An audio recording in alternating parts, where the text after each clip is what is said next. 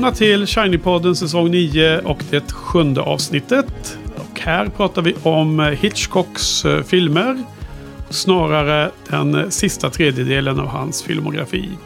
Och med mig som vanligt så har jag på länk eh, ifrån Reading i UK har vi Frans. Välkommen Frans. Hallå, hallå. Hallå. Och ifrån Altersbruk i Norrland har vi Joel. Välkommen Joel. Hallå, hallå. Hallå. Ja, pojkar. Idag har vi kommit fram till den första av the big four som jag kallar dem. Och det är Vertigo. Eh, som kom 1958. Wow. Och vad kan det ändå ha hetat på svenska? Det har jag glömt kollat upp som vanligt. Men vad hette den? Yrsel? Svindel? Eller vad var det? Studie i brott. Ja, just det. Nej, jag var ganska nära ändå. Alltså det, det, det, det hade ju varit klockrent om den hade hetat typ höjdskräck. Eller någonting. Ja. Ja, jag hade för mig att det var något sånt. Men studiebrott kän, känns också igen. Så det var, det var bra. Tack Frans. Ja, men det, Okej. det är ingen jättedålig titel, men man är nyfiken på hur de kommer från Vertigo till Studie i brott. Vad är, Ja. vad, vad är vägen som går dit liksom?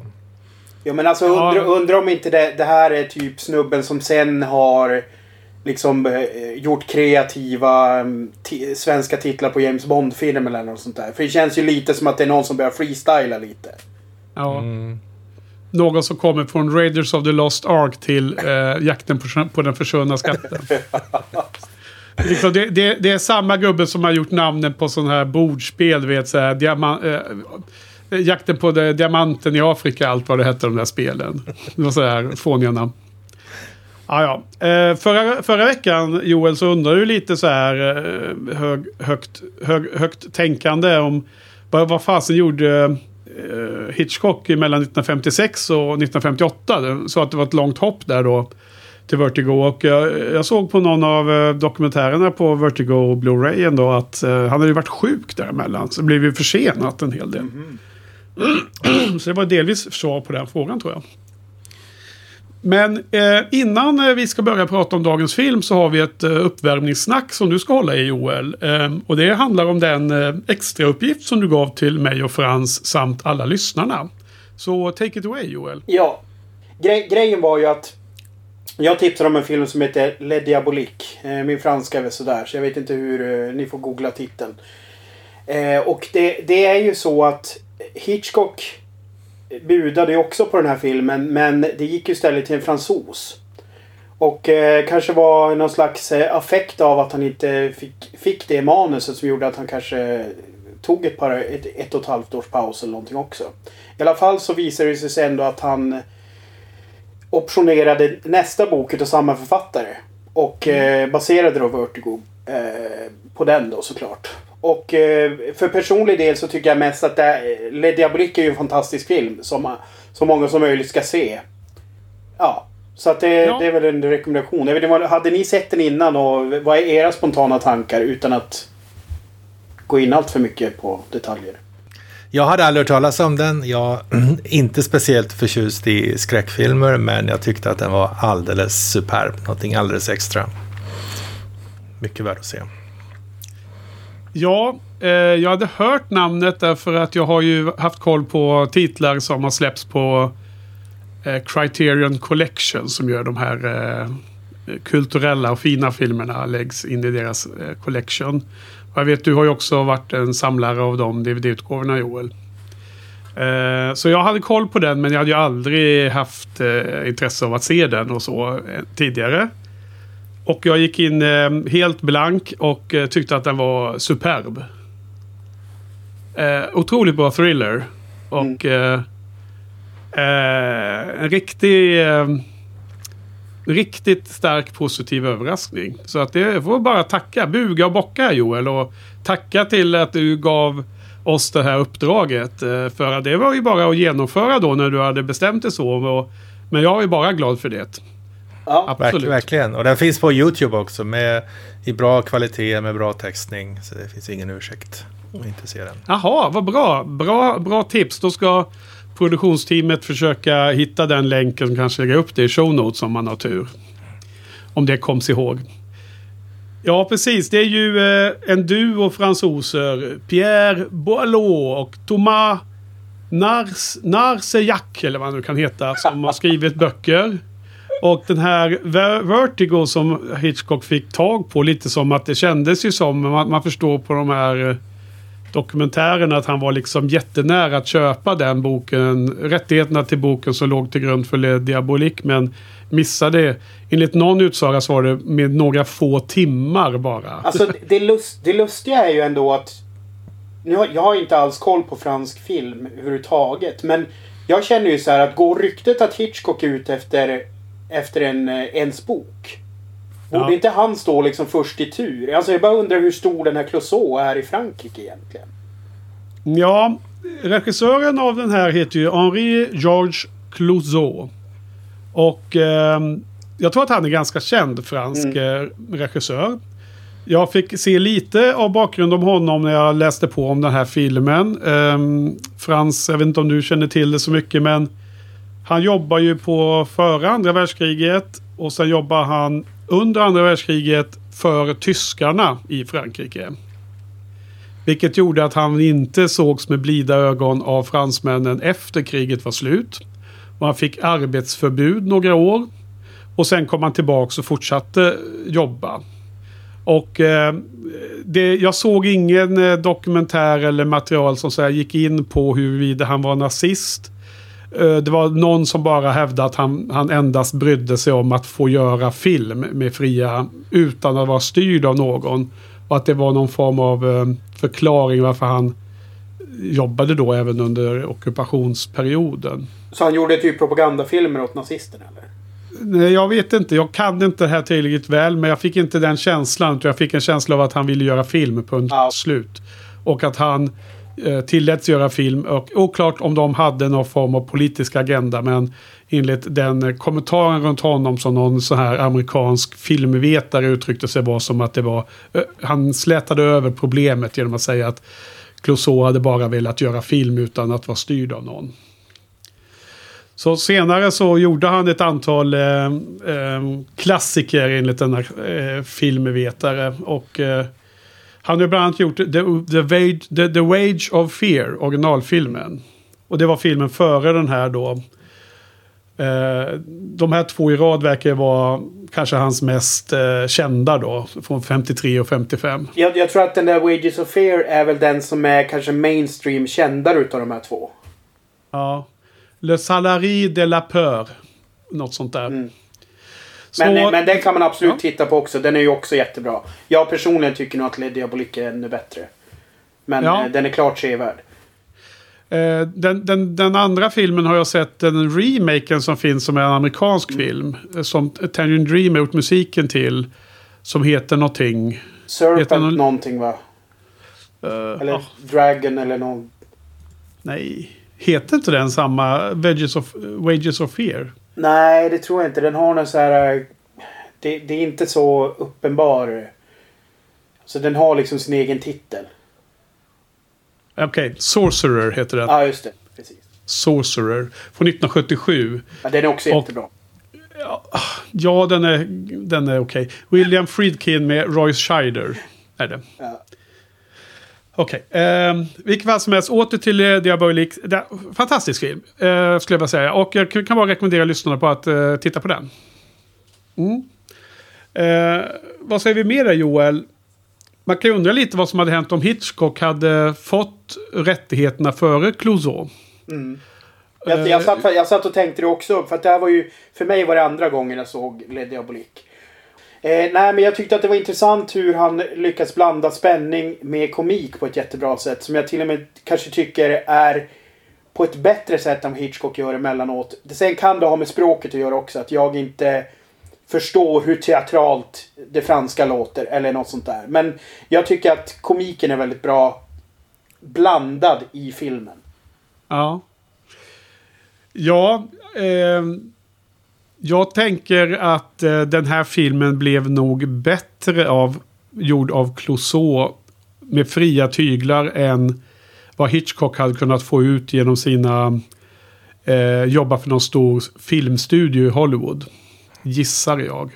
Det, det, känns som att för mig känns den här filmen, för att vara från 55, så tog den fler steg in i eh, modern filmskapande än vad jag tror att Hitchcock hade orkat med faktiskt. Så kände jag lite. Eh, vad tror du Frans? Är jag helt ute och cyklar eller kan du förstå ungefär vad jag menar nu när du också har sett den? Jag förstår och jag instämmer till fullo. Ja. Nice. Seal of approval därmed. Ah, Okej, okay. nej men vi, eh, vi, ska, vi, vi ska inte bara uppehålla eh, oss runt den. Men det var en eh, mycket positiv överraskning. Så jag måste ändå framhäva det att eh, i denna era av poddningen de senaste året här. Ofta återkommer till att förväntningarna styr så mycket. Och med Bond-filmerna, med Fast and the Furious-filmer och även med Hitchcock ju.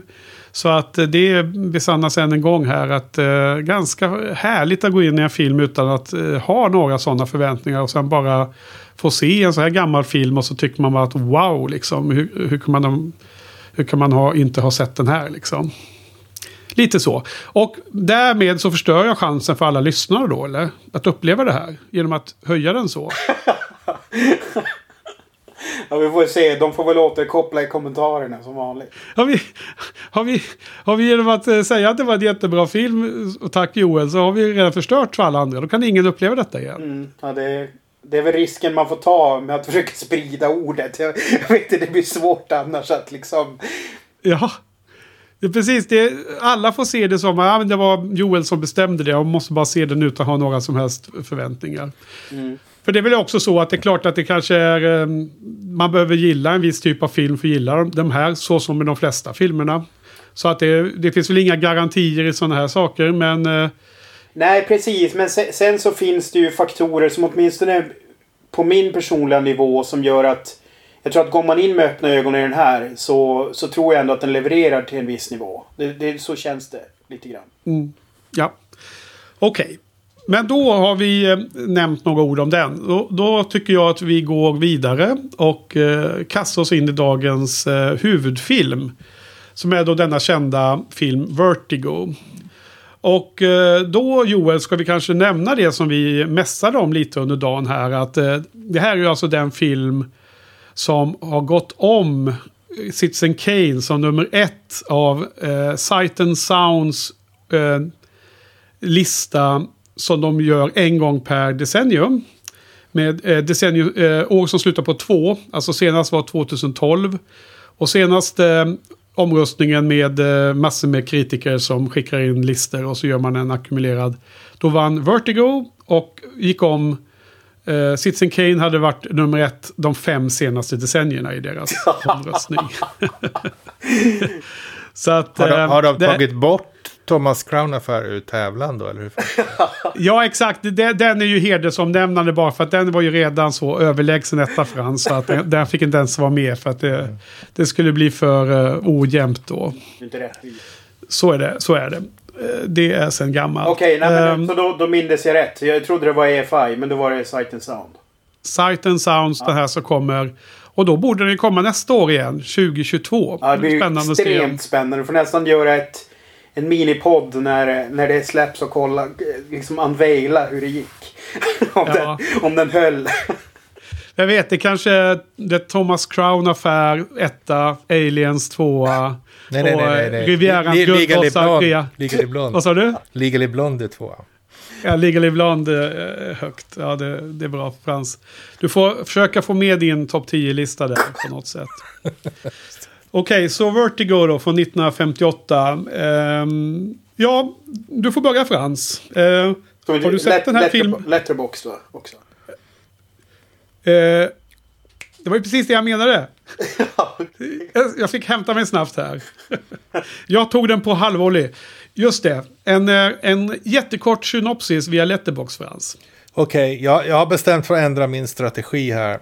För att det visar sig att det är alltid, första meningen är alltid i versalis. Jag tänker sluta skrika den. Okej. Okay. Då står det så här. Alfred Hitchcock engulfs you in a whirlpool of terror and tension. A retired San Francisco detective suffering from acrophobia investigates the strange activities of an old friend's wife, all the while becoming dangerously obsessed with her. Ja. Obsession galore. Härligt eh, komplex eh, film detta. Och eh, du får börja Frans. Eh, berätta hur många gånger du har sett den och vad, vad din inställning till filmen var före veckans titt. Och sen ja, vad du tyckte. Jag vet inte hur många gånger jag har sett den. Min inställning före var att den är på nästan samma nivå som Thomas Crown Affär och Legally Blonde. Nu när jag såg den så tyckte jag att det var en underbar, magisk, mystisk film. Att temat med en på ytan käck och oförarglig man vars ondskefulla instinkter långsamt kommer till ytan, framlockad av omständigheterna. Det är någonting som kommer att komma, kom, komma igen i åtminstone en senare film. Jag tycker att eh, James Stewart är fullständigt superb i, i båda personligheterna såväl som i den här långsamma förvandlingen från den ena till den andra. Jag tycker att eh, Kim Novak är lysande, framförallt i den första halvan där hon spelar den här nästan overkliga personen som liksom flyter över verkligheten på något sätt genom första halvan av filmen. Helt underbart. Och så då Miss Ellie förstås, den förnuftiga, som precis som så ofta på South Fork ser katastrofen närma sig men inte kan göra så mycket åt den. Hon är i en perfekt biroll. Jag tycker musiken är helt underbar, smäktande, mystisk, förebådande om vartannat. Tempot i filmen är helt perfekt. Det är ganska långsamt men det är inte för långsamt. Och det är liksom, bryts hela tiden upp med hastiga, hastiga oväntade grejer, saker som händer. Och slutet, jag antar att det måste vara fullständigt chockerande om man ser den för första gången. Ja. Det är en, en, en, en toppfilm, alla kategorier för mig. Härligt. Bra, mycket, mycket eh, härliga saker du nämner där som vi kommer återkomma till mycket av det. Joel, vad tyckte du då? Är det en film du har sett förut eller? Ja, det är det. Eh, jag kan säga så här, när du för första gången ställde frågan om jag skulle vara med här. Eh, då var det två filmer som jag eh, var, kände så här, fan ska jag orka se om de där två igen? Och den ena vet ju alla vilken det är. Det är ju Rear Window. Och det är ju bara för att jag har muskelminne av den filmen som är liksom eh, från helvetet. Och den andra var faktiskt den här. Därför att jag, jag hade inte jag kommer ihåg att jag tyckte att den var så jävla överskattad när jag såg den sist. Jag kanske har sett den två gånger. Det var också under filmvetartiden i Örebro har jag för mig. Vi såg den en gång i utbildningen. Sen har jag för mig att jag liksom halvsett den på tv innan eller något sånt där. Men! På samma sätt som den här klättrade, vad var det? 58 platser på AFI-listan, var det inte så? Eller... Ja, det är en annan sån lista vi studerade idag. Det hade gjort en raketkarriär från listan som var 88 till den som var 90 någonting. Ja. Eh, AFIs, eh, American Film Institutes, eh, topp 100-lista genom tiderna bestämde. Den hade kommit väldigt högt upp på listan. Ja, precis. Den är typ, jag tror du skrev 58 top, platser. Topp top 10, ja. ja. Och det gjorde den för mig också. Idag. Fullständigt mm. jävla briljant film. Eh, mm. Alltså det är, det är sånt jävla mästerverk. På så, så många sätt. Fruktansvärt bra Hitchcock-film. Jag, vet, jag orkar inte ens gå in i detaljer för det är liksom... Eh, kör din också så kan vi bara börja dissekera den sen. Absolut. Kul att höra hörni. Och eh, för en gångs skull så är vi nog ganska samstämda allihopa. Uh, och min resa med den här filmen är väl att jag tror att jag har sett den två gånger tidigare. Uh, nästan säker på det. Men, men jag kommer nästan bara ihåg den första gången när jag sett den. När jag var ganska besviken. Och kände att den inte var så... Jag, först, jag liksom tyckte inte alls att den hade något spännande element i sig. Sen tror jag att jag har sett den en gång till. Eh, men i vilket fall som helst så följer poletten ner. Och allt, alla, alla liksom bitar föll på plats eh, mycket mer den här gången. Och jag var otroligt eh, förtjust i filmen efter den här titeln. Väldigt positivt överraskad jämfört med vad jag, vad jag liksom tänkte. Eh, och det var lite det jag var ute efter när jag, jag berättade förra veckan att jag såg fram emot de fyra kommande filmerna. Att jag hade hoppats på att den här filmen skulle liksom landa rätt den här gången. Och lyckligtvis så hände det då. Och det jag gillar är... Eh, ja, min, min, min kritik, min, min negativa tanke runt det här är att jag känner att filmen är eh, lite väl saftigt lång då med sina två och tio nästan. Jag tyckte det fanns delar där den trampar vatten i mitten. Men jag tycker att eh, den här, hela den här eh, utvecklingen som ni båda varit inne på. Från hur James Stewart är i början till den här eh, eh, obsessiv eh, eh, personan som är i slutet är jäkligt eh, kul resa. Och jag, jag, jag tycker också att den är eh, befriande skönt att han är ju eh, ganska så brutal mot Kim Novaks andra karaktär. Och att man då får eh, vila i hans karaktär därför att den han har att göra med är ju ändå en mördare. Så att här kan vi inte liksom eh, hantera saker med silkhandskarna lika mycket. Och jag tycker att det blir en väldigt spännande ehm, eh, effekt av att vi vet vad de karaktärerna vet och inte vet. Och det kan vi tolka det som händer på ett visst sätt. Jag, menar, jag ser inte henne som ett offer i det här. På samma sätt som om hon varit helt oskyldig. Hade man nog kunnat tyckt att den här filmen var mycket jobbig på hur... Eh, då är det mer som en stalker, stalkerfilm som slutar med att han typ har ihjäl henne. Men nu är det ju... Eh, båda leker med varandra med identitet och vem de är och vad de har gjort liksom. Hon, framförallt hon. Så att därför tycker jag att den komplexiteten är välkomnad. är jag ute på svag is nu? Ja, jag, jag, jag, jag tolkar det nog inte riktigt som du gör. Alltså det, det är ju... Eh, alltså det, den, den, just, just vändningen där. Det var, det var egentligen crescendot för mig den här gången. Jag bara inser hur långt han tar det andra halvan. För den har jag aldrig riktigt sett förut. Förut har jag sett det som en film som är, ja du vet, en eh, liksom... Som sagt, jag hade ganska låga förväntningar. Och det, det tror jag delvis för att jag nog kanske inte riktigt har förstått hur den, hur den hängde ihop riktigt. Eh, men den här gången så är det ju just att den här biten när, när han gör om hennes andra, eller hennes riktiga karaktär till mordoffret igen. Alltså hela den biten är ju otroligt starkt gjord. Alltså det är, det är ju verkligen inte... Alltså det är ju som... Han blir ju en antihjälte. Det blir ju som Travis Bickle i Taxi Driver eller någonting. Alltså en otroligt skarp karaktär. I att han går, när han går in i det här, när han ska göra om henne till varje pris liksom. Och jag tycker, Ja. att, jag tycker att hon signalerar ju hela tiden, man kan ju inte ta mig för den jag är. Men han accepterar ju inte det. Hon måste ju Nej. vara blond och ha den här dressen. När de, är, när de är och ska köpa den där dressen och mannekängerna går in och ut. Och det bara, men vi kanske har den på lagret. Och hon blir nästan lite förskräckt av att... att liksom, hon vill bara... Alltså, det känns ju som att hon har ju känslor för honom också. Men att... Liksom, hon vill ju bara släppa det där såklart. Hon vill inte Jo. påminnas om att hon var liksom medhjälpare eller delaktig i det där mordet. Liksom. Nej, men hon, hon, hon, ville, hon ville ju älska honom och komma ur det här, det här ehm, eh, situationen där hon, som hon är i. Men när hon möter honom, när han upptäcker henne som eh, brunett. Då kan hon ju vid vilket tillfälle som helst bara bryta den här hanteringen som hon råkar ut för. Genom att eh, come clean. Hon, när hon ser att han inte direkt känner igen henne för att vara samma person. Då, då okej, han ser inte det. Han, han är fortfarande...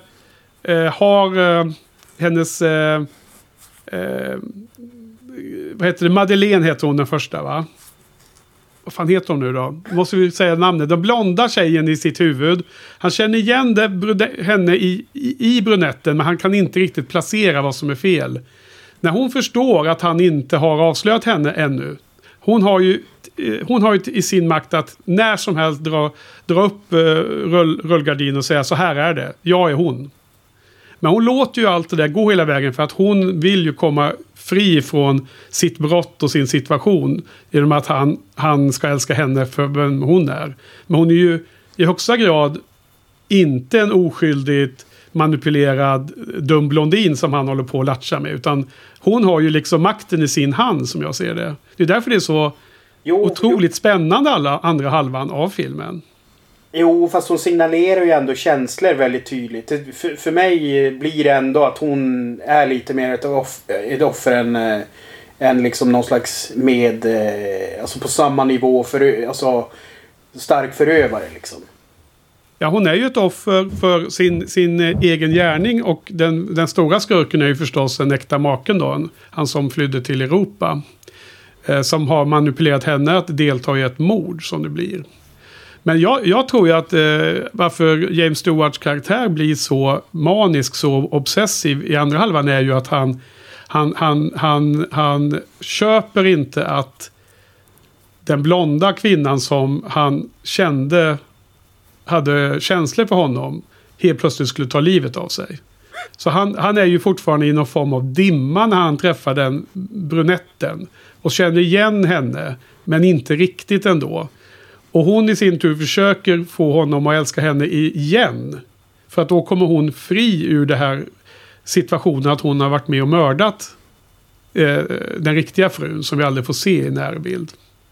Så jag tycker att det blir en otroligt komplex och spännande psykologisk balansgång där under andra halvan. Där, där ja visst, han är helt absurd i hanteringen av henne och hur han ska klä upp henne och med kläderna. Och han blir mer och mer eh, dominant eller despotisk över henne. Men hon har hela tiden, varje, varje ögonblick kan hon bara liksom avsluta den där charaden. Och, och lyfta eh, skuggan ifrån hans eh, ögon och säga men det är ju jag. Det var jag. Och det, vi har gjort det här för att vi skulle mörda den riktiga frun. Så att, så att jag, därför tycker jag att det blir en mer komplex och spännande. Det är något att tugga på här. Det som jag saknade lite i The Wrong Man som vi pratade om så mycket. Uh, just för där var det så svart och vitt och enkelt. Och det var liksom ingenting att fundera på. Men uh, nog, nu har vi babblat på här. Vad säger du Frans? För du sitter och funderar nu. Vil- Vad, hur ser du på den här eh, dynamiken mellan huvudpersonen och den andra halvan av filmen då? Ja, jag har, måste säga att jag har ingen, ingen sympati för James Stewarts karaktär här. Jag, jag, jag har nog sett det på ett mycket naivare, enklare sätt. Som att som bara en betraktelse över hur, hur en människa kan liksom leva ett normalt liv och framstå som en trevlig, trevlig, god prick. Men, men ha det här under ytan och att, att vad som helst kan få, få, få det att komma fram. Och att han blir som det. Men, det- men det kan vara lite grann förstört också av... Jag har sett senare Hitchcock-filmer som har precis samma, samma tema. Jag, jag, jag tänkte på den här, kommer ni ihåg den tv-serien som gick för ett tiotal år sedan? Orange is the new black. Det var lite, lite liknande historia. En ung, ung kvinna som levde ett normalt, normalt eh, medelklassliv och framstod som, som trevlig och god. Men när hon blev oskyldigt oskyldigt satt i fängelse så, så förändrades hon helt och hennes verkliga jag kom fram. Ja, Jag såg inte den, men den var väldigt eh, omtalad ett tag. Så att, eh, jag kommer ihåg att den var väldigt populär. Precis. Så att jag vet inte, jag har nog missat en del av de här psykologiska nyanserna som ni pratar om.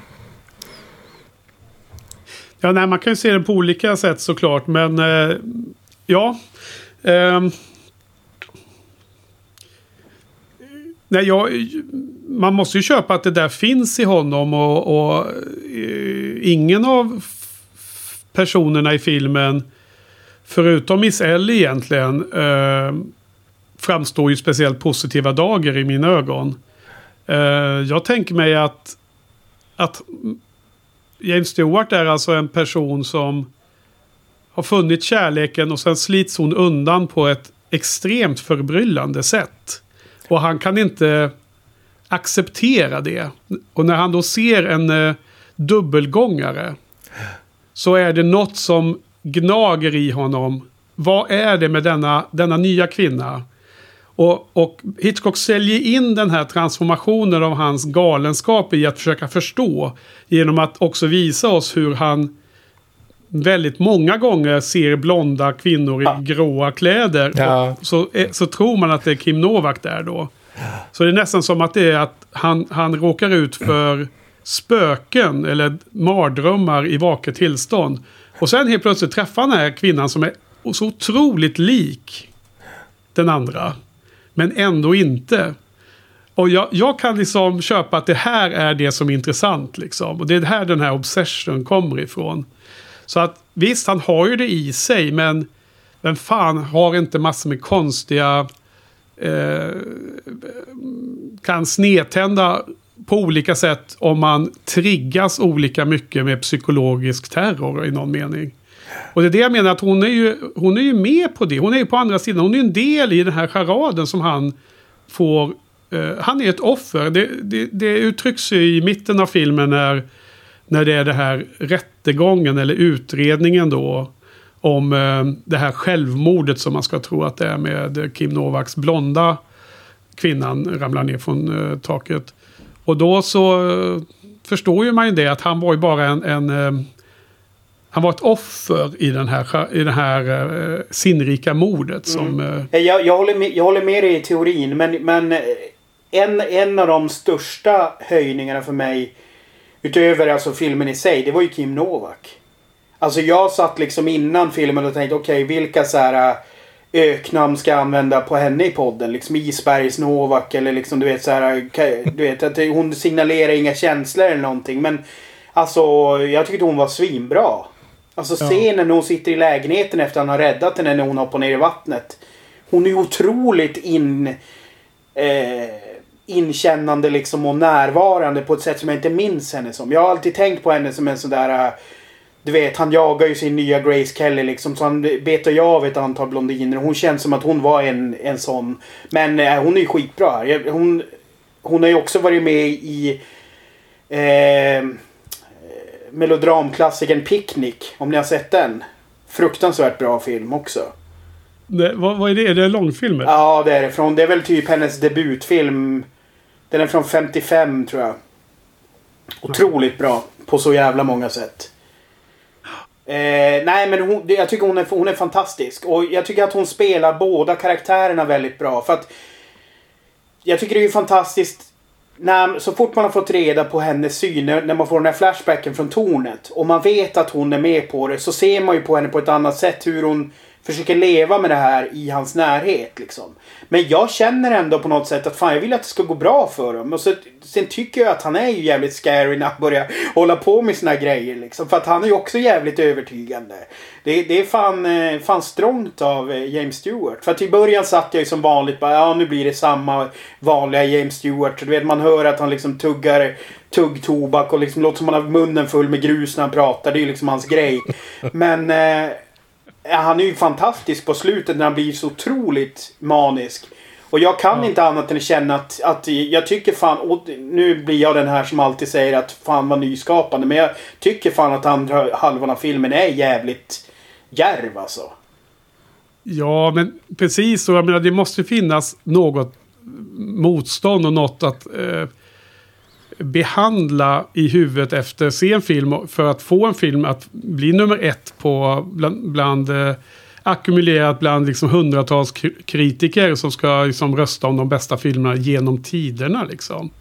Det är inte så att den är helt eh, banal, filmen. Det, det, det vore ju ofantligt överraskande om det var en sån film som vann. Fast jag satt ju och tänkte, alltså om vi nu går tillbaka till melodramspåret så, så kände jag så här att ett jävligt intressant slut.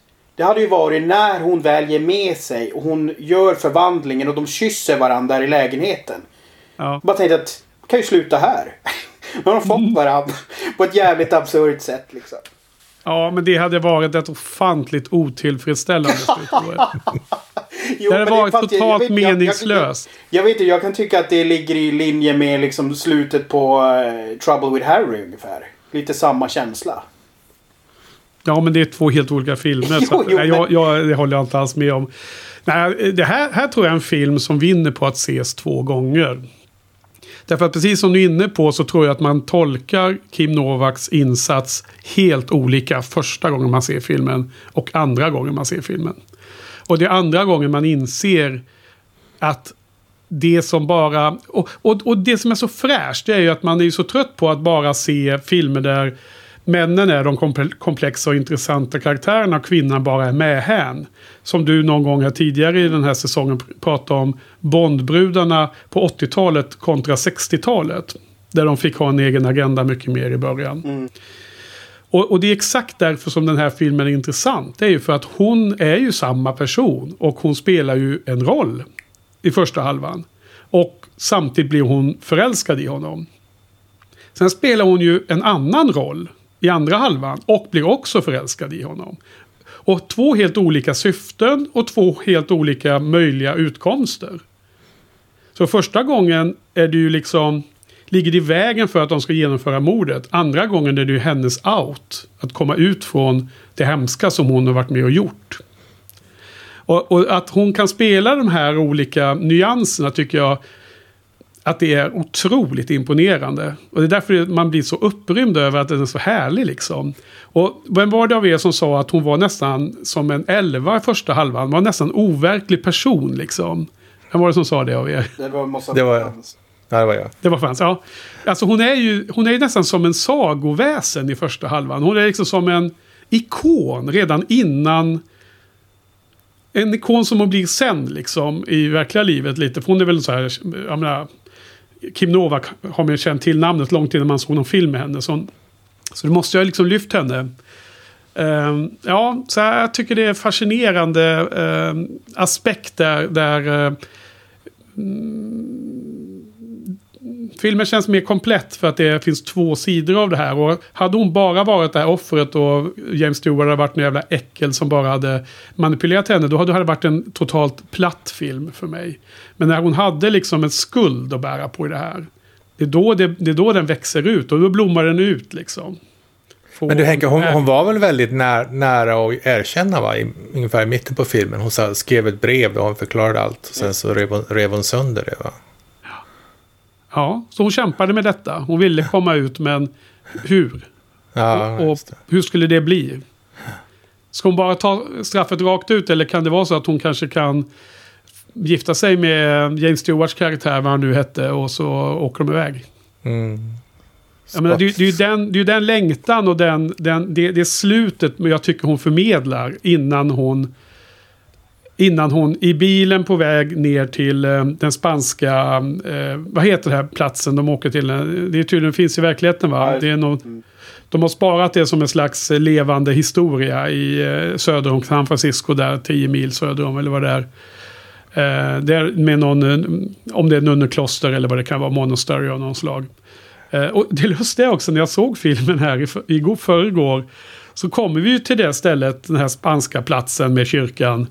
I mitten av filmen då när eh, det här eh, självmordet så att säga händer. Och då bara jag satt och tänkte, men vad fan det där var ju i slutet av filmen. Liksom. Jag, sa, jag var helt glömt av. Ja, nej, jag, jag vet. Jag hade, jag hade exakt samma känsla som dig där. Eh, så vi, vi verkar ha haft eh, samma uppfattning om filmen innan. Eh, Ja.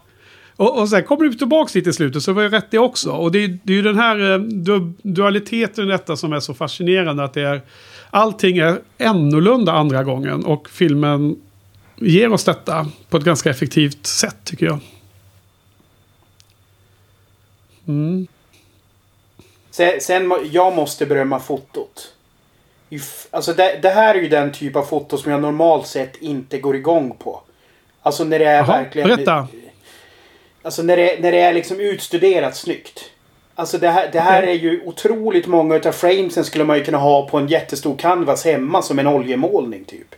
Och det finns till och med några exteriörer. Jag vet inte om det har med bilden på um, kopian som jag kollade på eller men det ser ta mig fan ut som att att eh, himlen är oljemålad över en byggnad. Jag minns inte vilken. Det kan vara när de är vid den där spanska grejen. Och det kan vara att det är eh, effektshots. Eh, alltså tidiga liksom. För det, det kan ta mig fan inte vara en backdrop. För då, då är det... Eh, det ser för realistiskt ut, själva byggnaderna så att säga. Men, men överlag, fotot är ju otroligt grymt. Och normalt sett så brukar jag sitta och du vet bara tänka okej nu, nu har de eh, riggat så här länge och det här är bara för att det ska se snyggt ut. Men så som det är i den här filmen så, så jag, jag var helt uppslukad av det. Mm. Eh, Den är riktigt snygg. Alltså, jag har ju glädjen att ha den här på Blu-ray i den här Blu-ray-boxen eh, som du och jag har för hans båda. Och Patrik har också ett set. Det är, en, är två, två boxar, eh, massor med filmer i va. Och där, eh, de har gjort någon superdyr restauration av den här som nu har släppts Joel. Och det har de ju lagt ner mycket tid och pengar på. Universal har gjort detta och de hade en liten eh, dokumentär om det som då lyckligtvis också innehöll massor med intervjuer med annat folk som var med. Så det var mer generell. Kan faktiskt rekommenderas. Um, och den, den uh, kopior som var gam, äldre och så här såg ju riktigt urvattniga ut och så. Men den här som jag såg var ju superskarp. Jag, jag, tror, jag tror det här ska vara någon slags Blu-ray transfer också. Så att, jag säger inte att det, att det var svårt att se. Det var bara det att TVn stod så pass... Eh, alltså jag hade inte lust att liksom gå och närstudera. Men nej, det... nej, nej, men jag, jag, jag tolkar det som att du var positiv. Ja, att, ja. Eh, ja. Nej, nej, men för just det här med olje... Alltså att, att det faktiskt var att himlen såg målad ut var otroligt snyggt. Eh, mm. Och jag vet inte om det, om det som sagt är gjort i efterhand eller om det faktiskt är att himlen typ såg ut sådär. Men det står ju i creditsen att det, att det är någon slags effektfotografi med. Och det är ju uppenbart när det är de här speciella grejerna när man ser huvudet rotera och de här grejerna i början på förtexterna. Det, är ju, det skulle nog kunna klassas som sånt också. Men jag tänkte sen att ah, fan, det där kanske är konstgjort på något sätt. Och då är det ju återigen... Alltså det förstärker ju det här drömska i filmen. Och, och jag har inget problem med längden. Inte ens första halvan som jag också i teorin kan förstå. Det här kan kännas utdraget. Men det är ju fantastiskt indragande när han följer runt henne. För det är ju som en stumfilm. Det är långa sjok där han bara går runt och följer efter henne och står och observerar henne i de otroligt snygga oljemålningslookerna. Alltså jag var så jävla uppslukad. Alltså det var... Ja. Och det, det, och det gör, för mig det, gör det ingenting att det är ja. långt och utdraget. Nej. Och om vi utgår från att Hitchcock har järnkoll på allt han gör. Och för övrigt vet vi om att han gör så himla mycket han kan som möjligt inne på soundstage. Så det är klart mm. det finns massor med effektshots och bakgrunder och hit och dit. Men om man är exakt med manus, och där, där sa det sig också i dokumentären att de hade jobbat med storyn otroligt länge i det här fallet. Och sen gick han igenom tre, tredje manusförfattaren nöjde han sig med. Eh, så att han och hans fru, eh, Hitchcocks fru vad hon heter igen, eh, står still i huvudet på mig. Vad heter hon? Hjälp mig. Mrs Hitchcock. Ja, ja. Miss Hitchcock. Ni kommer inte ihåg heller. Eh, Frans har somnat där. Vad gör du Frans? Vad heter hon? El... Uh... Ah. Alma. Alma. Alma, Alma ja. ja, precis. Du vet ju vad hon hette. De, de jobbar alltså med storyn och, och, gör storyboards. Och sen så sätter de in en manusförfattare som skriver själva dialogen som jag förstår det och liksom fyller i the blanks. Och det, och det var en tredje försök som nu blev eh, manuset till eh, Vertigo.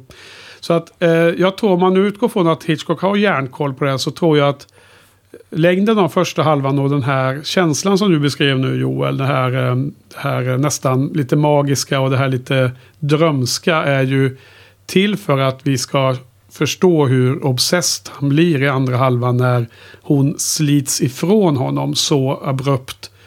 För kom ihåg att de står ute i stallet där precis innan hon går upp där. Ja. Och liksom då har de sin kyss och då har de liksom mötts. Då har de, det är liksom typ början av slutet på en kärleksfilm. Det är liksom näst sista scenen och sen är det ungefär som And they lived happily ever after. Det är liksom sista shotten sen. Men istället så säger hon att vi måste gå in här och så springer hon upp och sen så skriks det och så är hon död. Och fasen, om man har varit förälskad någon gång och är liksom på toppen av förälskelse, det mest heta ögonblicket i förälskelsen och sen bara 20 minuter senare så tog hon livet av sig. Jag, jag, jag, kan liksom köpa att man blir jävligt weird. Speciellt om man ser henne överallt i samhället efteråt och sen till slut träffar henne dessutom. Som han är... Han känner sig att nu har jag träffat exakt samma person. Men det är ju inte hon, därför hon tog ju livet av sig, det vet ju jag. Den rationella jag vet ju att hon dog där. Vi satt ju till och med i, i en eh, liksom, utredning där åklagaren på klippte mig längs fotknölarna att jag var en usel människa. Så, så det vet jag att hon är borta. Men här är hon också. Ja, fantastiskt att det fick utvecklas så tycker jag. Um, ja, vad säger du Frans? Um, vi måste få med dig i samtalet här nu. Chop chop. Säg något... Uh, uh, uh, något uh, eh, något inlägg här. Okej, vi har en eh, Castle-spaning kanske. Ja, berätta. Och ovanför sitt eh, kontor där han sitter och skriver så har Castle en tavla. Som är en sån spiraltrappa. Som är, antingen, antingen är det just den här trappan eller också är den vä- väldigt lik den, inspirerad av den. Jag kommer inte ihåg exakt. Just det. Och de har en jäkla massa Hitchcock-referenser med, eh, sa du förra veckan också. Ja, precis. Här små grejer. Namn och sånt har de ju och använder de ju titt som tätt. Ja. ja. Det var faktiskt aldrig någonting som jag upp, uppfattade när jag såg Castle. Och det var bra, då kan vi ju en anledning till att se om hela den eh, åtta, åtta säsonger långa serien eller sånt där och spana. Ja, precis. Det ser man ju på en vecka kommer vi fram till sist. Va? Men du, eh, vad, vad, vad tycker du då Frans om eh, Kim Novak som vi nu har pratat om lite? Joel verkar ju mäkta imponerad av denna skådespelerska. Ni, har ju, ni har ju sagt det så väl. Det finns inget att tillägga. Hon är full, fullständigt lysande. Ja. Ja, men det, så är det ju. Och ändå är, var ju det inte hen, var det, detta inte Hitchcocks första val. Och det vet ni säkert, eller? Nej, det visste jag Nej, ingen aning. Eh, då tar vi oss tillbaks till The Wrong Man. Okej. Och där har vi då frun till eh, Henry Fonda som spelar Rose. Som transformerades från första halvan av filmen där hon var en personlighet till den sjuka Aha. Rose i slutet. Och Hitchcock hade ju henne, hon heter ju Vera Miles. Och hon är ju otroligt vacker. Jag, jag såg lite shots på henne i dokumentären. Eh, jag, jag kommer inte ihåg att jag uppfattade henne som så bildvacker i The Wrong Man. Men jag tyckte att hon var den intressantaste karaktären. Och också skådespelaren i den filmen. Men när jag såg en del shots på henne i, i, i nu då när de pratar om Vertigo. Då, då insåg jag också att hon var ju extremt vacker på, på bild. Hon var alltså menat att spela den här. Eh, och var nog också in, eh, inmutad för det. Och sen blev ju då Hitchcock sjuk. och hade någon jäkla operation om det var typ gallsten eller whatever. Och sen när, när han kom tillbaks från det och nu skulle vi starta Vertigo. Då kom ju hon och, och hon blivit gravid. Så kunde, kunde inte hon ta rollen som eh, eh, vad hon nu heter. Madeleine och, och eh, eller Judy Barton som hon heter i andra halvan. Kim Novak. Och Hitchcock blev ju jättearg tydligen för detta. Eh, men det var inget att göra åt och så hittade han Kim Novak istället då. Men jag känner att eh, fasen... Eh, ja, det blev ju bra nu då. Eh, det går väl inte att säga att Kim Novak skulle ha bytts ut mot någon annan. Men det är klart att sådana här stories runt omkring eh, så här kända filmer får ju en att bli väldigt nyfiken på hur alternativet skulle ha blivit. Ja, alltså det, det är lite intressant det där du säger med henne, att, att, du inte, att man inte ser ens bildskönhet i den andra filmen där. Om vi nu pratar om den skådisen. Men det är ju lite grejen med The Wrong Man. Att den är ju lite, sen, lite trubbig film. För den går ju inte liksom på... I och med att den har sånt jävla dokumentärt eh, språk. Så är det lite som att han medvetet väljer bort den typen av skildring också. För att det blir för filmiskt annars. Det här är ju en film på ett annat sätt. Alltså det här är ju liksom filmberättande, ta mig fan, skolboksexempel. Alltså det är ju så mycket bra. Men det, det är ju en eh, och känsla. Jag kan ju verkligen uppskatta filmer som The Wrong Man som ju folk har hört i den podden när jag sitter och eh, håller fanan högt för den. Men, men det här är ju någonting annat. Eh, alltså det är bara helheten är fantastisk. Jag tycker vi måste prata om Miss Ellie också. Ja, eh, jag ska bara avsluta om Vera Miles så kommer vi åter se henne i Psycho istället. Så att då får vi chans att prata om henne mer. Okej, då kommer vi till Miss Ellie. Hon spelar alltså, det, skådespelaren är ju Barbara Bell Geddes. Som vi, som vi alla vet som, som såg Dallas på 80-talet. Så spelar hon då Miss Ellie i denna tv-serie. Och här är hon då mycket yngre såklart. Hon spelar Mi- Marjorie Midgewood. Som då är en collegekompis till Scotty. Som eh, James Stewarts karaktär kallas. Och de är liksom bästisar. Eh, och han hänger mycket hos henne. Eh, och hon är ju uppenbarligen förtjust i honom. Eller hur? Jo. Har, har jag tolkat det rätt? Eller, eller har jag tolkat det lika er rättare sagt menar jag. Absolut, absolut. Ja, ja vad, tycker ni, vad tycker du om den karaktären Frans? hon är lite, hon är, hon är ganska bra biroll. Hon är så här extremt snusförnuftig och förstår allting. Så att den är, Ja. den, är, den är lite på gränsen till att kunna vara en dålig karaktär. Men hon sköter det väldigt bra tycker jag. Eller både han, Ja. hon, hon och Alfred sköter det väldigt bra. Så det, det, fun, det funkar. Ja, eller vad heter han? Hitch- Hitchcock? Heter han inte Alfred? Jaha. Men att han regisserar den är bra eller? Ja, eller vad det nu är med manus Ja. kanske. Hon- får Ja, ja, ja. den platsen Ja, du, du, eh, du fick mig att bli förvirrad ett tag. Men jag, jag håller med. Ja, visst var hon bra, bra regisserad som i den rollen då. Det var så ja. Ja, precis. Håller med. Eh, vad tyckte du då Joel? Vad var din tanke runt eh, Miss Ellie? Eh, fruktansvärt bra karaktär också. Alltså hon känns återigen som... Ehm, eh, nu låter jag som trasiga skivan igen här. Men du vet det här eh, att det liksom känns...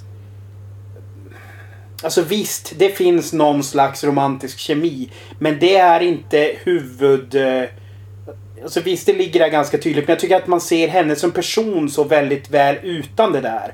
Alltså hon spelar karaktären väl. Man ser henne sitta och jobba. Hon sitter och målar.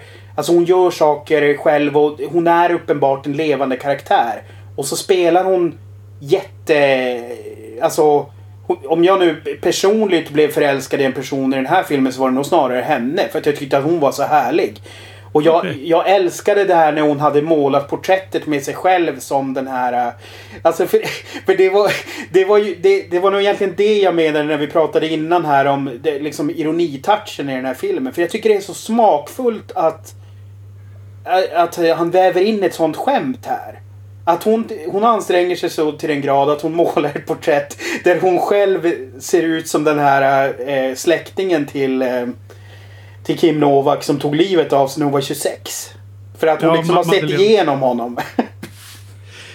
Alltså, vad lustigt att du lyfter den scenen. För att jag, jag tycker att Barbara Bell Geddes och regin på henne var väldigt bra, passande och bra för filmen. Men jag, jag ömmar mycket för den karaktären. Men, men jag tycker att hon är... Alltså... Jag tycker hon är liksom en patetisk karaktär. Med ordets rätta mening, inte som ett skällsord. Jag tycker hon är väldigt... Jag tycker väldigt synd om henne i princip. Och speciellt den scenen när hon har målat det här porträttet av sig själv. Eh, där hon försöker kommunicera på något sätt på hans eh, obsession. Få in sig själv i det. Blir så super awkward scen. Mm. Ja, vi, vi ser henne helt olika därför att jag ser ju henne snarare som att de har kommit varandra så pass nära så att de kan liksom skämta på det här sättet med varandra. Jag, jag ser liksom inte heller att hon i slutändan liksom trånar ihjäl sig efter honom. Det känns som att hon går vidare liksom eh, eh med sitt liv och hon kommer hitta någon annan. Eh, och liksom... Eh, alltså hon, hon, hon... För mig kändes hon eh, väldigt stark faktiskt. Okej. Ja men det är ju superintressant. eh, Därför jag, jag tolkar inte alls det så. Jag, jag tolkar henne som en... ehm, Eh, jag, jag, jag tycker synd om henne till att börja Ja. med. Och jag, jag tolkar henne som att hon kommer säkert gå vidare i livet och hon kommer säkert hitta någon annan. Men det kommer vara sånt där läge där hon alltid kommer jämföra andra med Scotty. Hon kommer alltid egentligen velat bli ihop med honom i slutändan. Oavsett vem hon eh, nöjer sig med. Det var den liksom viben jag fick av den karaktären. Jag vet inte, jag får, jag får lite undertonen det här att de, de på något sätt båda två, alltså det, det blir ju motsägelse här men jag, jag tycker ändå att det är därför jag tolkar henne så starkt. Det är att jag, jag får den här känslan att de vet själva att de inte ska vara ihop.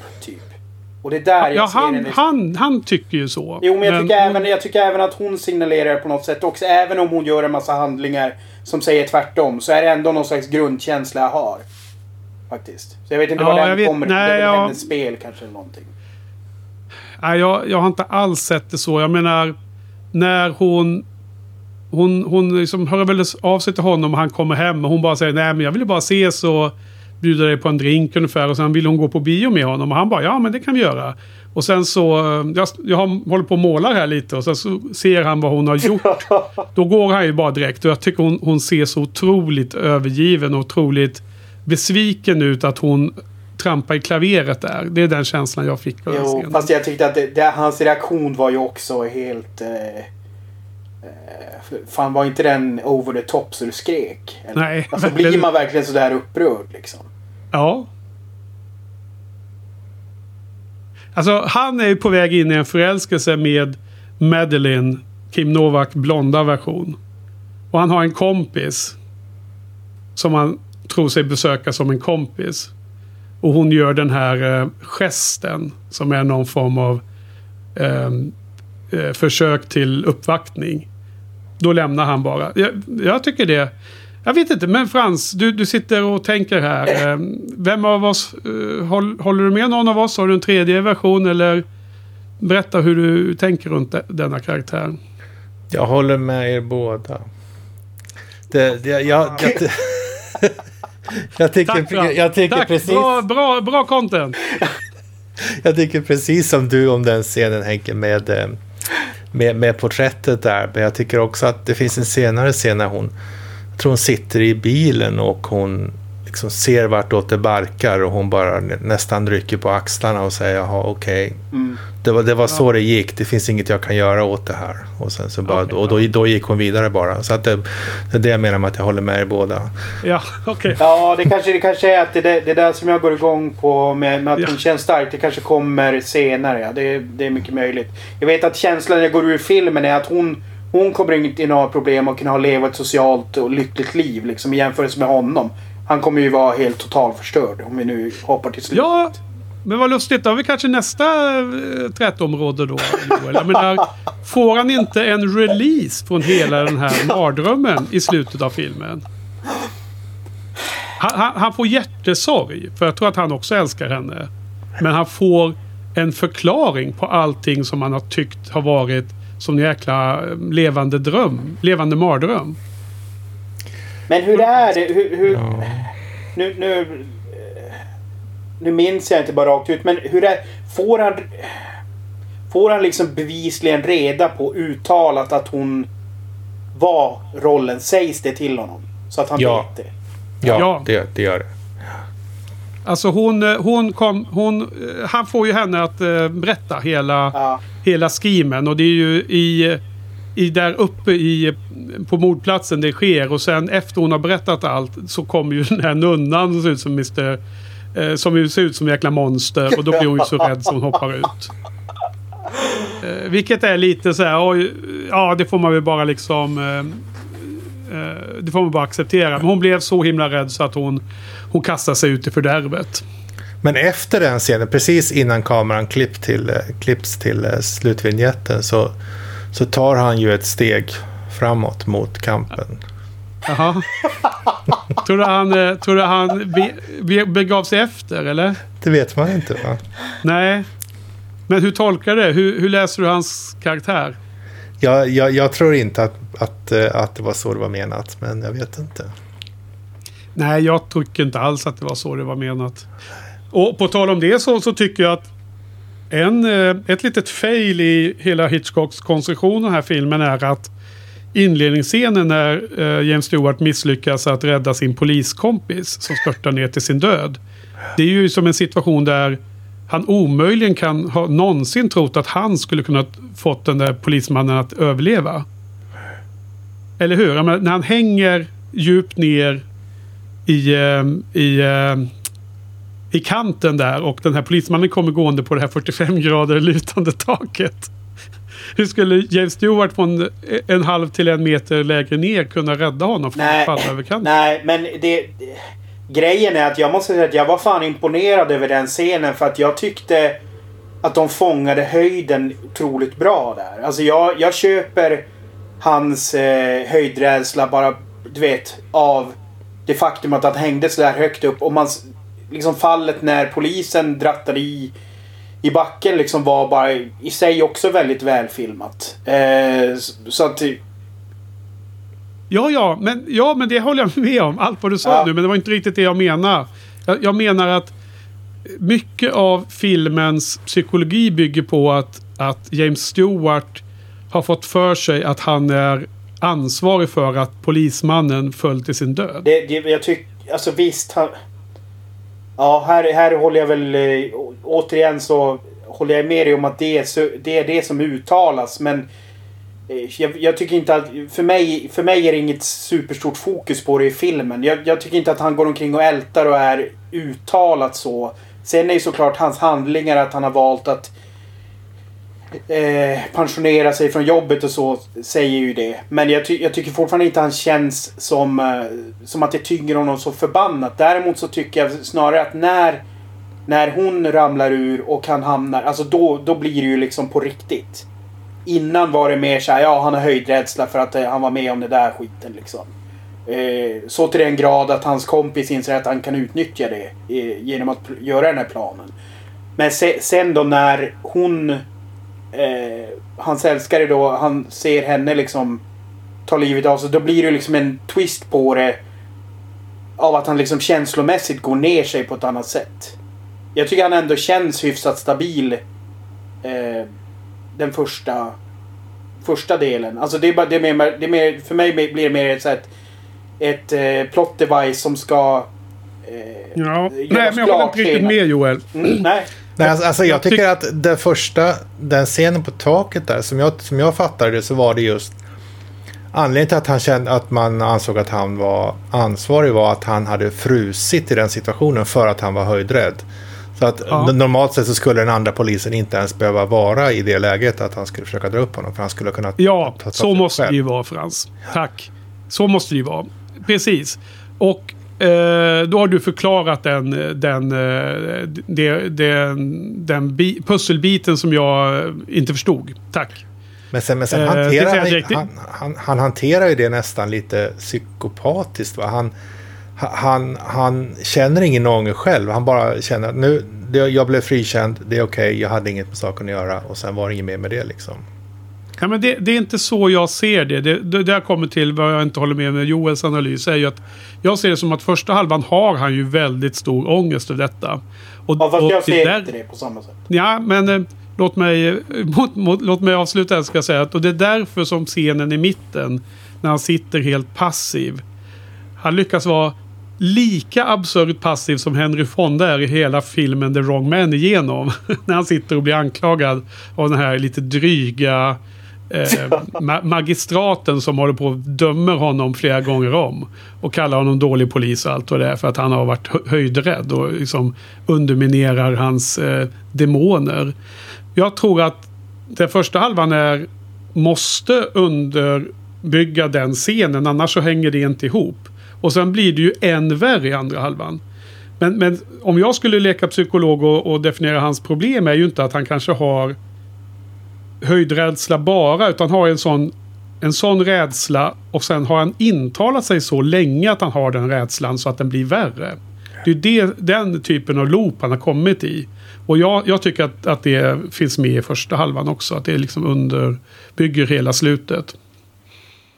Mm. Jo, absolut. Eh, Jag tror att det är därför han eh, slutar jobbet och allting. Han känner sig usel liksom. Eh, För att han var hö- höjdrädd och frös här situationen. Ja, Satt mest och funderade kring hur han, hur han fixade sin liksom, tillvaro med inkomst och sånt. Jo, men det antyds att han hade medel, liksom att han var rik. Liksom.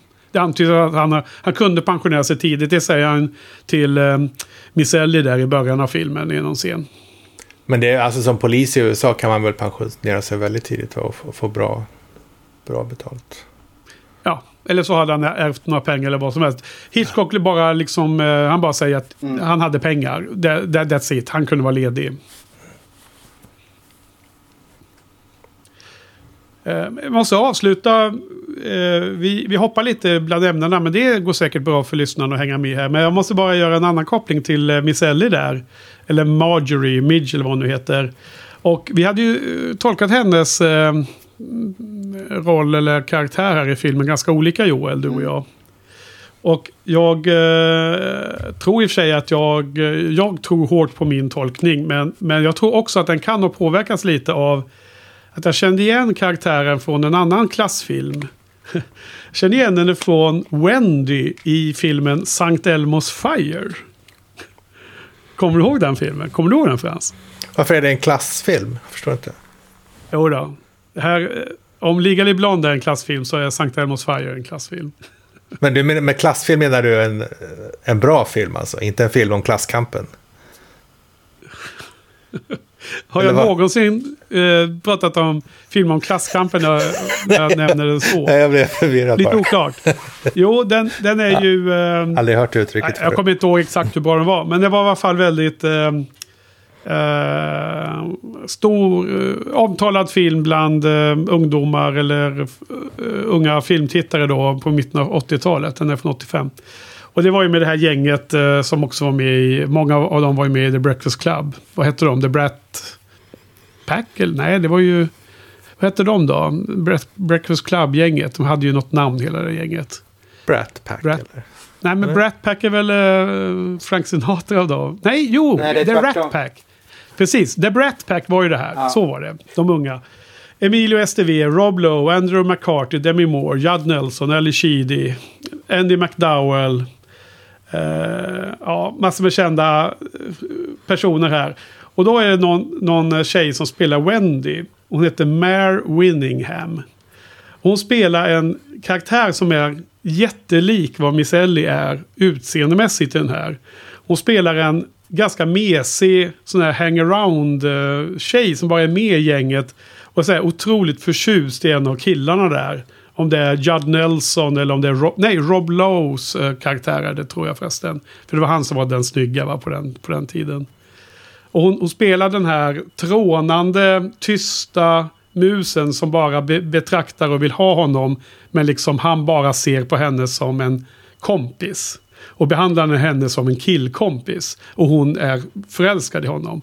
Och för mig passade det bara så himla bra in när man såg Miss Ellie. Hur hon agerade i den här filmen. Så att det är möjligt att jag låter påverka mig av de här likheterna i karaktärsbeskrivningar Joel. Jag, jag får erkänna det att det kan hända att jag blir förledd av Wendy i Sankt Elmo's Fire helt enkelt.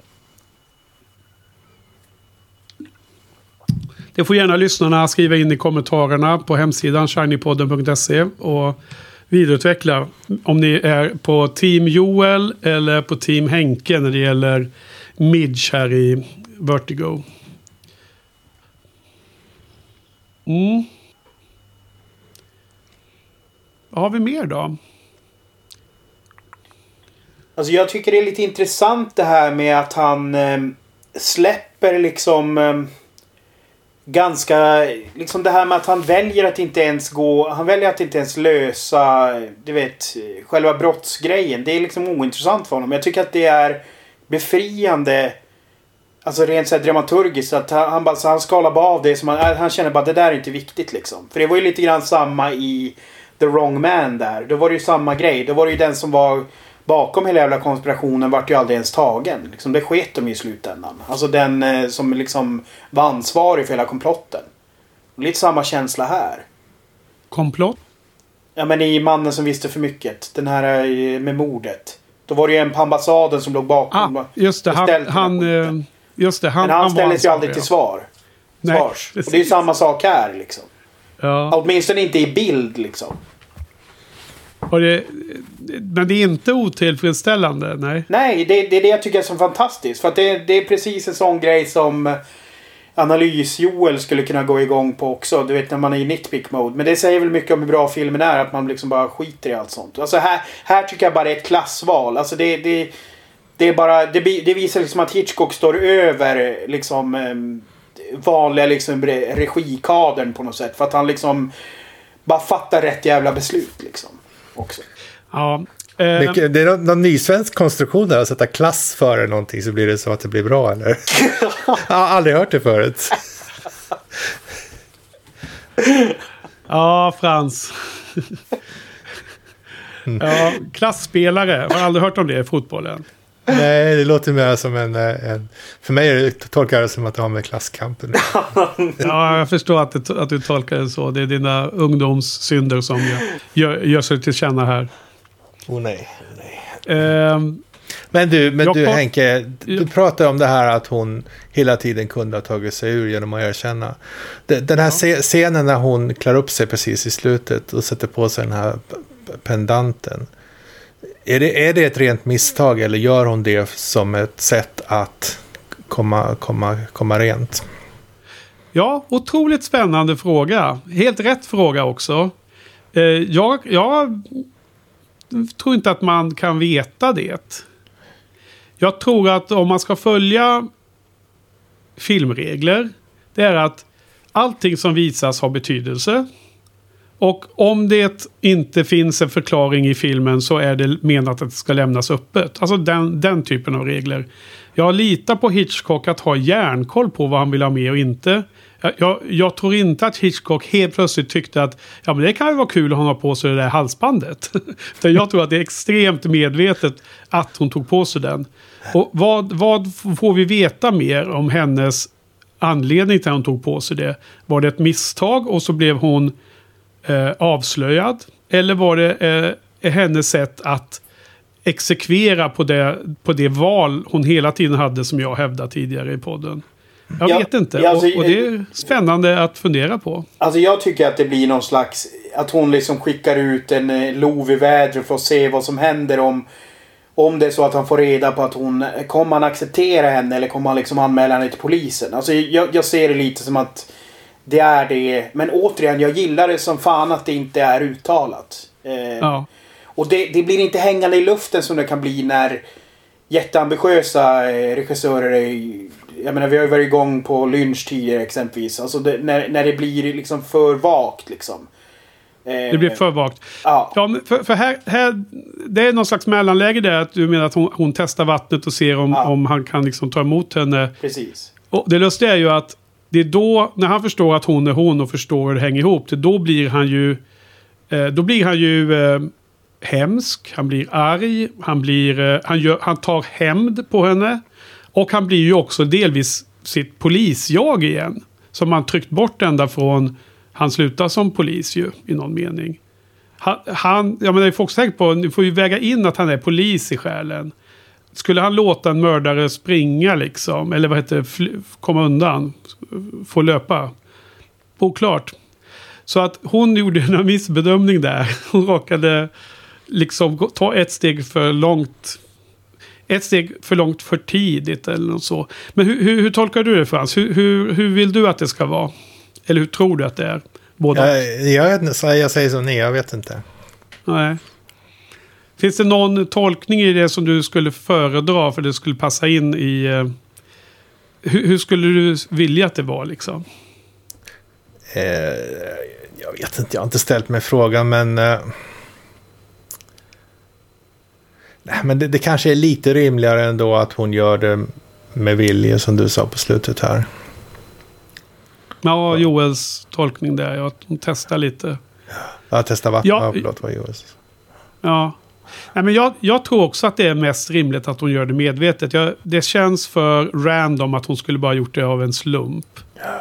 Det, det, är så pass signifikant på det här eh, eh porträttet som eh, hon eh, i sin eh, skådespelarroll i första halvan har suttit och glott på om och om igen.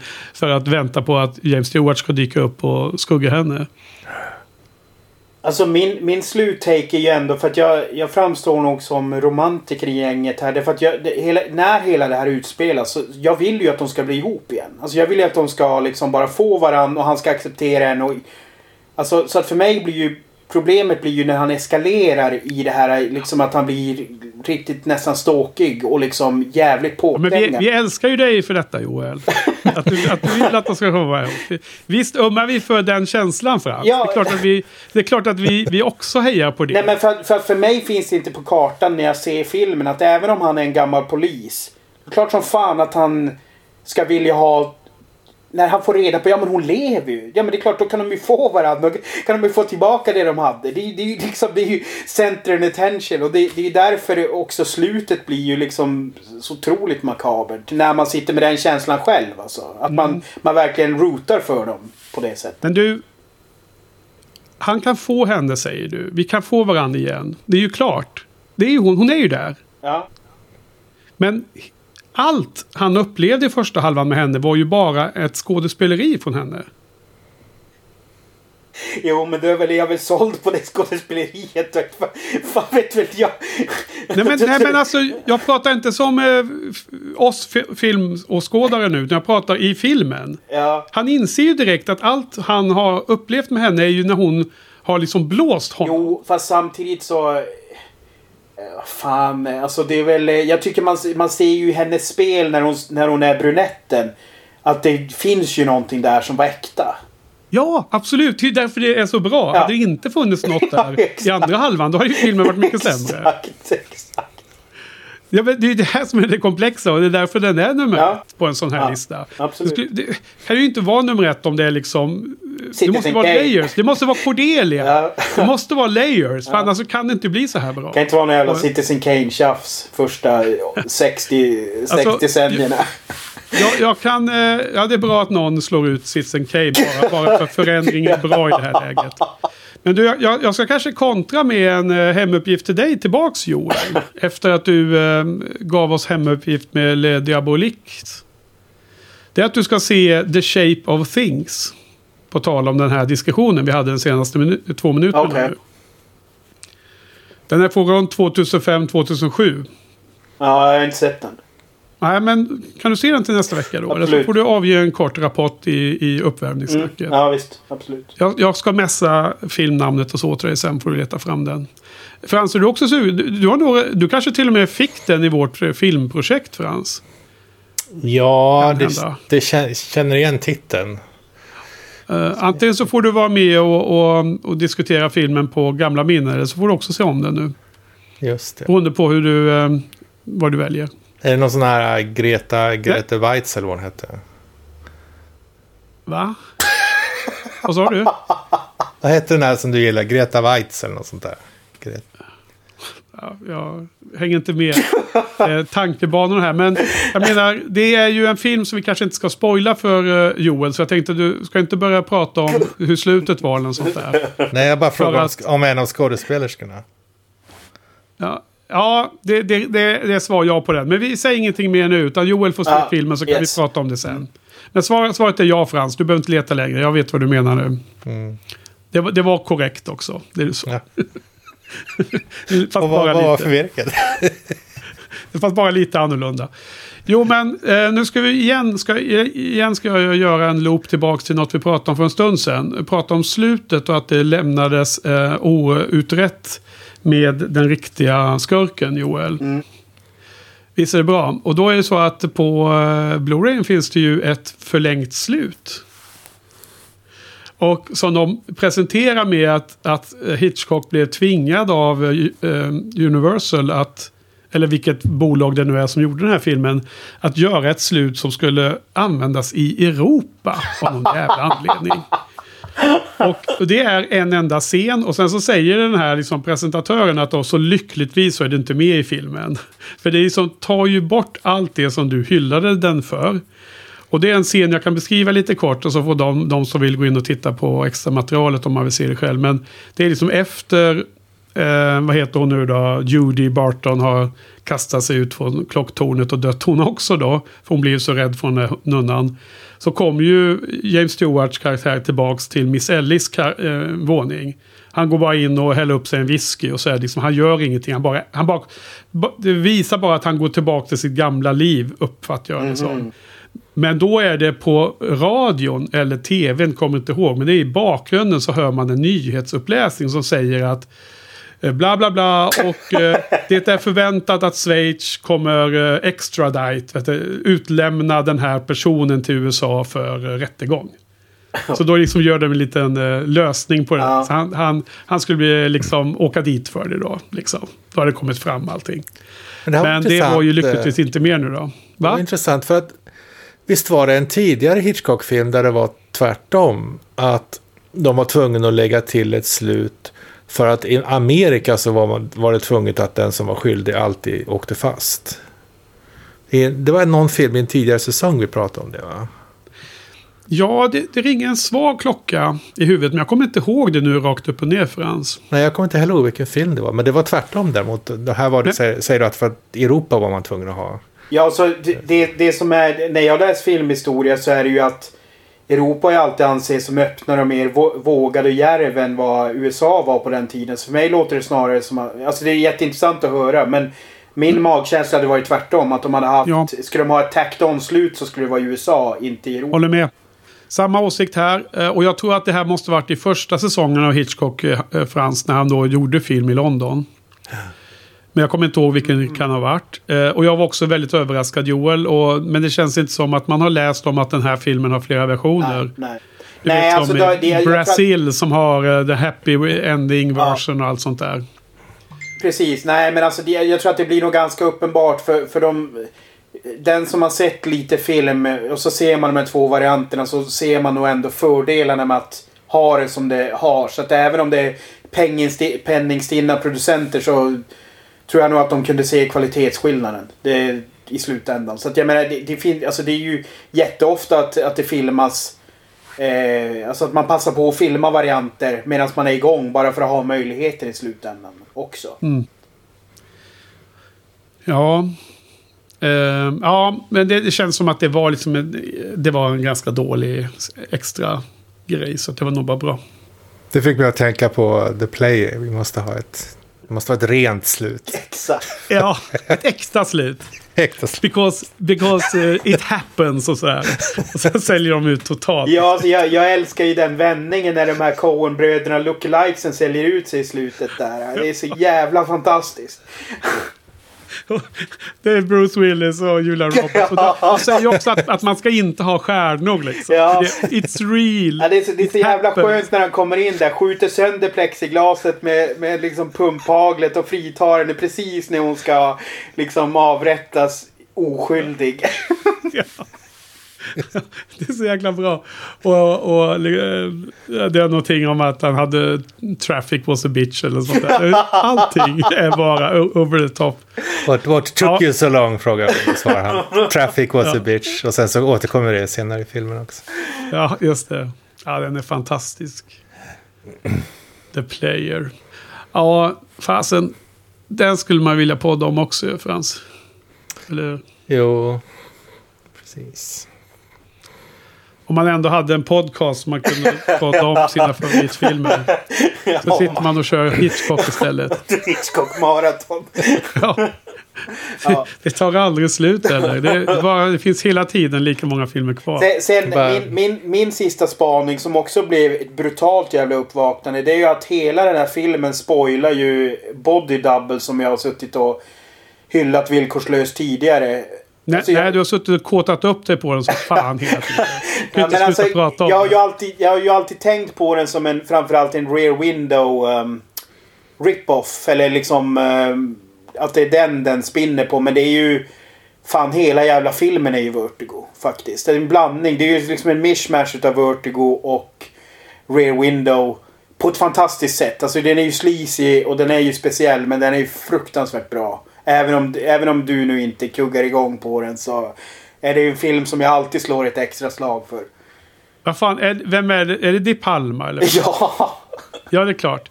Jag blir osäker här. Men jag har ju sett den nu ganska nyligen. Och det är väl inte så att man missar tåget kanske. Man skulle sett den då för länge sedan. Fast jag- Så den har varit en nostalgipick nu. Ja, fast jag är ju... Jag kan ju fortfarande se den och bara njuta av den. För att... Alltså det är, det är en sån jävla grej att han... Gör en sån skitfilm på pappret. Men den är filmad på ett sånt jävla briljant sätt. Du vet, det är lite som att man... Som att man har liksom en Michelin-kock som liksom lagar ett burger... Du vet såhär McDonalds meal liksom eller någonting. Alltså Ja. den är... Det är... Ja. Jag, kommer, jag kommer hylla den till döden. Så är det bara. Ja, men det, det är fine och det, det, det, det är bra. Det gillar vi ju mycket. Men visst har du sett den när den var ganska ny också? Nej, den är från 83. Ja, men du har sett den när du var ung då? Om vi prövar. Nej, jag, nej, det är det som är det sjuka. Jag såg den också första gången eh, när jag pluggade filmvetenskap i Örebro. Okej. Faktiskt. Då var Ja, men då, för, 20-årsåldern. då är det ju inte den här nostalgi-grejen som är eh, svaret på den frågan. Jag menar när man hör folk som gnäller på aliens eller något sånt där så tycker jag bara ja den är ju fantastisk. Jag tycker ju aliens är den bästa Mm. actionfilmen, den bästa krigsfilmen, den bästa, nästan den bästa science fiction-filmen man har sett liksom. Allt i ett. Men man, man kan ju inte veta riktigt om det bara är nostalgikänslor. Är det bara för att jag blev så jävla rädd när jag såg den på bio 1986 i Skövde. Och sen skulle åka iväg och jobba nattskift på Cementa den natten efteråt. Sitta ensam ute i en jävla... så jävla stor, Alltså, jag- jag- industri. Alltså jag måste få dra en anekdot som hände när jag flyttade hem hit på grund av covid. Så jag, åkte, jag har ju åkt upp till mina föräldrar. Så att jag bor ju på vindsvåningen. Det finns ett, ett rum här som är varmbonat. Resten är liksom en kallvinda. Och så satt jag och morsan och såg, alltså de, de streamar ju inte så de sitter och kollar vanlig TV liksom. Och så hamnar vi fram till när, lammen tystnar. Så börjar den typ såhär 12, eh, ja på TV4 eller någonting. Bara sitter och kollar och säger, ja fan jag måste ju gå upp. Jag går på och lägga mig liksom. Jag har sett en timme när lammen tystnar. Och så när jag ska gå upp här. Och så då funkar inte lampan vid trappen. Du vet när, man, Nej. när jag ska gå upp till det här rummet. Då är det, liksom, det är bara tot, totalt svart liksom. Och det är så här, det, alltså, det är inte så att jag går och blir rädd på riktigt. Men det är Men ändå det är så klart det är. Det är klart att det är. jävla Joel. skönt Du sammanträffande. bara erkänna. För det är ju liksom, det är ju riktig jävla spooky vind innan man kommer in i det här rummet. liksom. Ja. Jag skulle vara livrädd. Jag har inga problem att erkänna det. Fan, det låter ju scary, men det är ju eh, det är också en erfarenhetsfråga. Du vet ju vad du ger in på. Du sätter dig och kollar på en sån film mitt i natten och man ska gå upp på vinden. Jo. Ja. ja, det är en annan riktig höjdare man skulle ku- kunna podda om. Det är ju daska av så här lite eh, halvgamla filmer som är liksom best of the best. För den, den håller väl fortfarande gissar jag. Ja, den var fruktansvärt bra. Alltså jag, det var, jag fick ju... Där var det ju att det var ju reklam och skit. Så det, jag kände bara fan jag orkar inte sitta här till tre på natten liksom, innan Nej, den är fan, färdig. Det är ett jävla helvete det där avbrotten. Det förstör ju spänningen och stämningen totalt också. Mm. När Lammen tystnar var en fin film Frans. Kommer du ihåg den? 90-talet. Mm, Judy Foster eller? Ja, precis. Tror det. Och någon som han, Anthony Hopkins som uh, kannibal. Ja. Jag tror vi såg, den i, vi såg nog den i Uppsala ihop. Nej, jag tror att jag såg den med eh, korridorskompisar från Flogsta. För att, eh, tror Okej. jag. Jag såg den med något gäng i Uppsala i alla fall. En av ganska få biofilmer jag såg. Alltså nya biofilmer som jag såg då. Ja, du gick mest på um, Fyrisbiografen och såg Arty Farty franska pratfilmer va? Polska, Ja, rys, ryska filmer. De står och stirrar ut på en åker i två timmar. Kniven i vattnet och... Och, två timmar och inga kortfilmer. Ja, inga, det var kortfilmsvarianten. Nej, men vad var det? 91 kanske? Eller vad, vad ja, var den det är från 91. Ja. Ja, okej. Ja, det, jävlar vad, vad, vad rädd man var innan man gick in på den bion, kommer jag ihåg. Det hade ju snackats så mycket om eh, hur hemska scenerna var. Och den levererade också. Ja, alltså, musik, musiken är ju fantastisk. Alltså det Ja. kan vara the score eh, liksom of a lifetime. Alltså att göra så bra filmmusik som är i den filmen. Ja, det var länge sedan jag såg den. Mm. Fasen. Ja, okej, men äh, åter till Vertigo. Den här var ju, eh, det här är en filmfilm i, ute i fingerspetsarna. Det är eh, Hitchcock i sitt esse. Och det är jäkligt vassa skådespelarinsatser. Och jag tror faktiskt att det är som ni sa där tidigare, att han är nog ofantligt detaljerad i sin regi av, av skådespelarna. Eh, Så jag, jag tycker att det här är också en stor cred till Hitch- Hitchcock. Ja, Riktigt ja. vasst gjort. Absolut. Alltså så som jag befinner mig nu så är ju det här alltså min nya nummer ett liksom. Det, Ja. det här är liksom peak. Definitivt. Jo. Eh, det, det fanns ju kanske någon form av ironi där om man nu tolkar Micelli på ett visst sätt. Men jag saknar ju ganska mycket humor i den här filmen. Den är ju en ganska torr film och ganska... Eh, det är ett psykologiskt drama och ett eh, så här, eh, intern psykologidrama med liksom... Man, man tror att det finns någon slags eh, magisk vis, del här i början av filmen när hon hävdar att hon är liksom eh, samma person som den här eh, mormors mor och allt det här liksom. Men sen fanns det ju en förklaring till det. Det var ju bara som eh, lure för att lura James Stewart till att gå, gå in i fällan. Ehm, och eh, så det är en psykologisk drama slash thriller tycker jag. Men det är väldigt lite glimten i ögat och lite så här eh, eh, lite kul. eh, elegans eller eh, lätt, lätt, lättfullhet i filmen tycker jag. Alltså det, det där är ju en, eh, det är ju en balansgång. För det tänkte jag som sagt när vi såg Le Diabolique. Där tyckte jag att det var avvägt på ett väldigt fint sätt. Eh, humorn eh, jämte spänningen. Jag kan känna ibland att det blir lite avtrubbat när det blir för lättsamt i Hitchcock-filmerna. Alltså nu de, de vi har sett här. Ja. Alltså, Jo.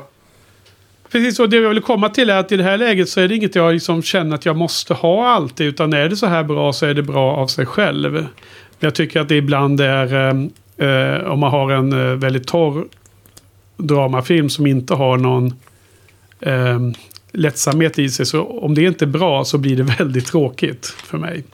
Men när det är så här bra så blir det bara bra. Och eh, det är därför det är så frustrerande när jag säger att till exempel en film här om veckan inte var underhållande och du jämför bara med att det ska vara slå sig på, på knäna humor, Joel. Utan jag pratar om underhållande kan också bestå i att det är bara väldigt bra gjort. Och om man nu ska knyta cirkeln eller åtkomma cirkeln fullt runt och jämföra med Le Diabolique och Clouseaus film så tycker jag att det här, det Hitchcock har gjort, gjort är liksom så jäkla intelligent på något sätt känns det som. Hur han har konstruerat den här filmen så som jag tolkar den, den efter den här titeln. Medan jag, jag, jag tycker att Clouseaus, Clouseaus eh, thriller är mer djuriskt brutal på något sätt. På ett sätt som inte Hitchcock än så länge i mina ögon har, har nått till. Så de erbjuder två väldigt olika känslor. Och båda är, känns väldigt fräscha för, att, för de är trots allt gjorda i mitten av 50-talet båda. Så är min sammanfattning egentligen.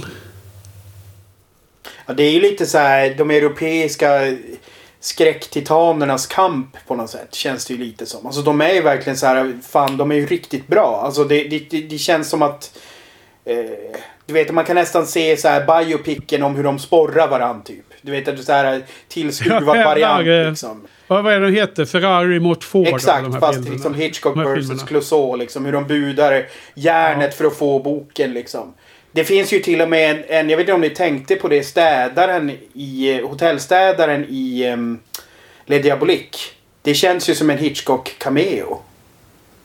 Han pratar ju typ som Hitchcock. Och han ser ju typ ut som Hitchcock fast han är fransman. Ja, just det. det Okej, det var att Hitchcock är fel film. Eh, Hitchcock gjorde någon cameo här. Han går ju förbi framför kameran i någon utomhusmiljö. Jag kommer inte ihåg exakt när det är, men det är väl i början av filmen Ja. som vanligt. Nej, men Nej, eh, det- om jag jämf jämför de här två filmerna så tycker jag att Le Diabolique var så otroligt intensivt spännande i en fas i filmen att jag nästan inte kunde andas.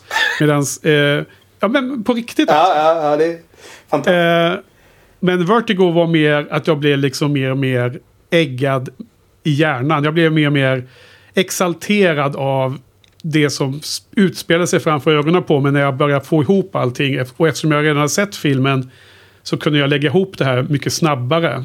Nu när jag såg den för andra eller eventuellt tredje gången, vad det nu än är. Så att det var så olika centra i en som blev eh, erigerat.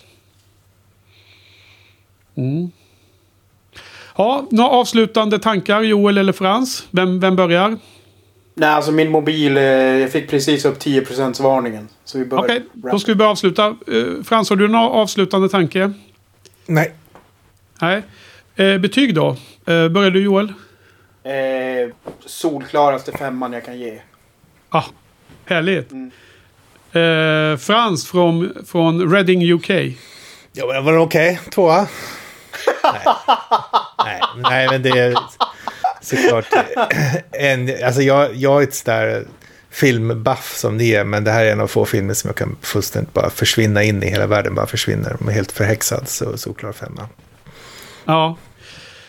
Ja, och eh, nej men jag håller med faktiskt. Eh, och eh, den här har höjt sig jättemycket sen jag såg den förra gången. Där jag liksom inte alls uppskattar den på det här sättet. Och jag håller med dig om att eh, den har eh, flugit upp till top of the line av alla Hitchcock som vi har poddat om hittills i den här Nu har vi ju några heta kandidater kvar här som kommer de närmsta veckorna om inte minst. Och även de här, alla de här bra filmerna de, de fem sista veckorna. Men så vi ska inte se, the, the Fat Lady, vad heter det? It ain't over until the Fat Lady sings. Alltså, men jag ger den också fem av fem.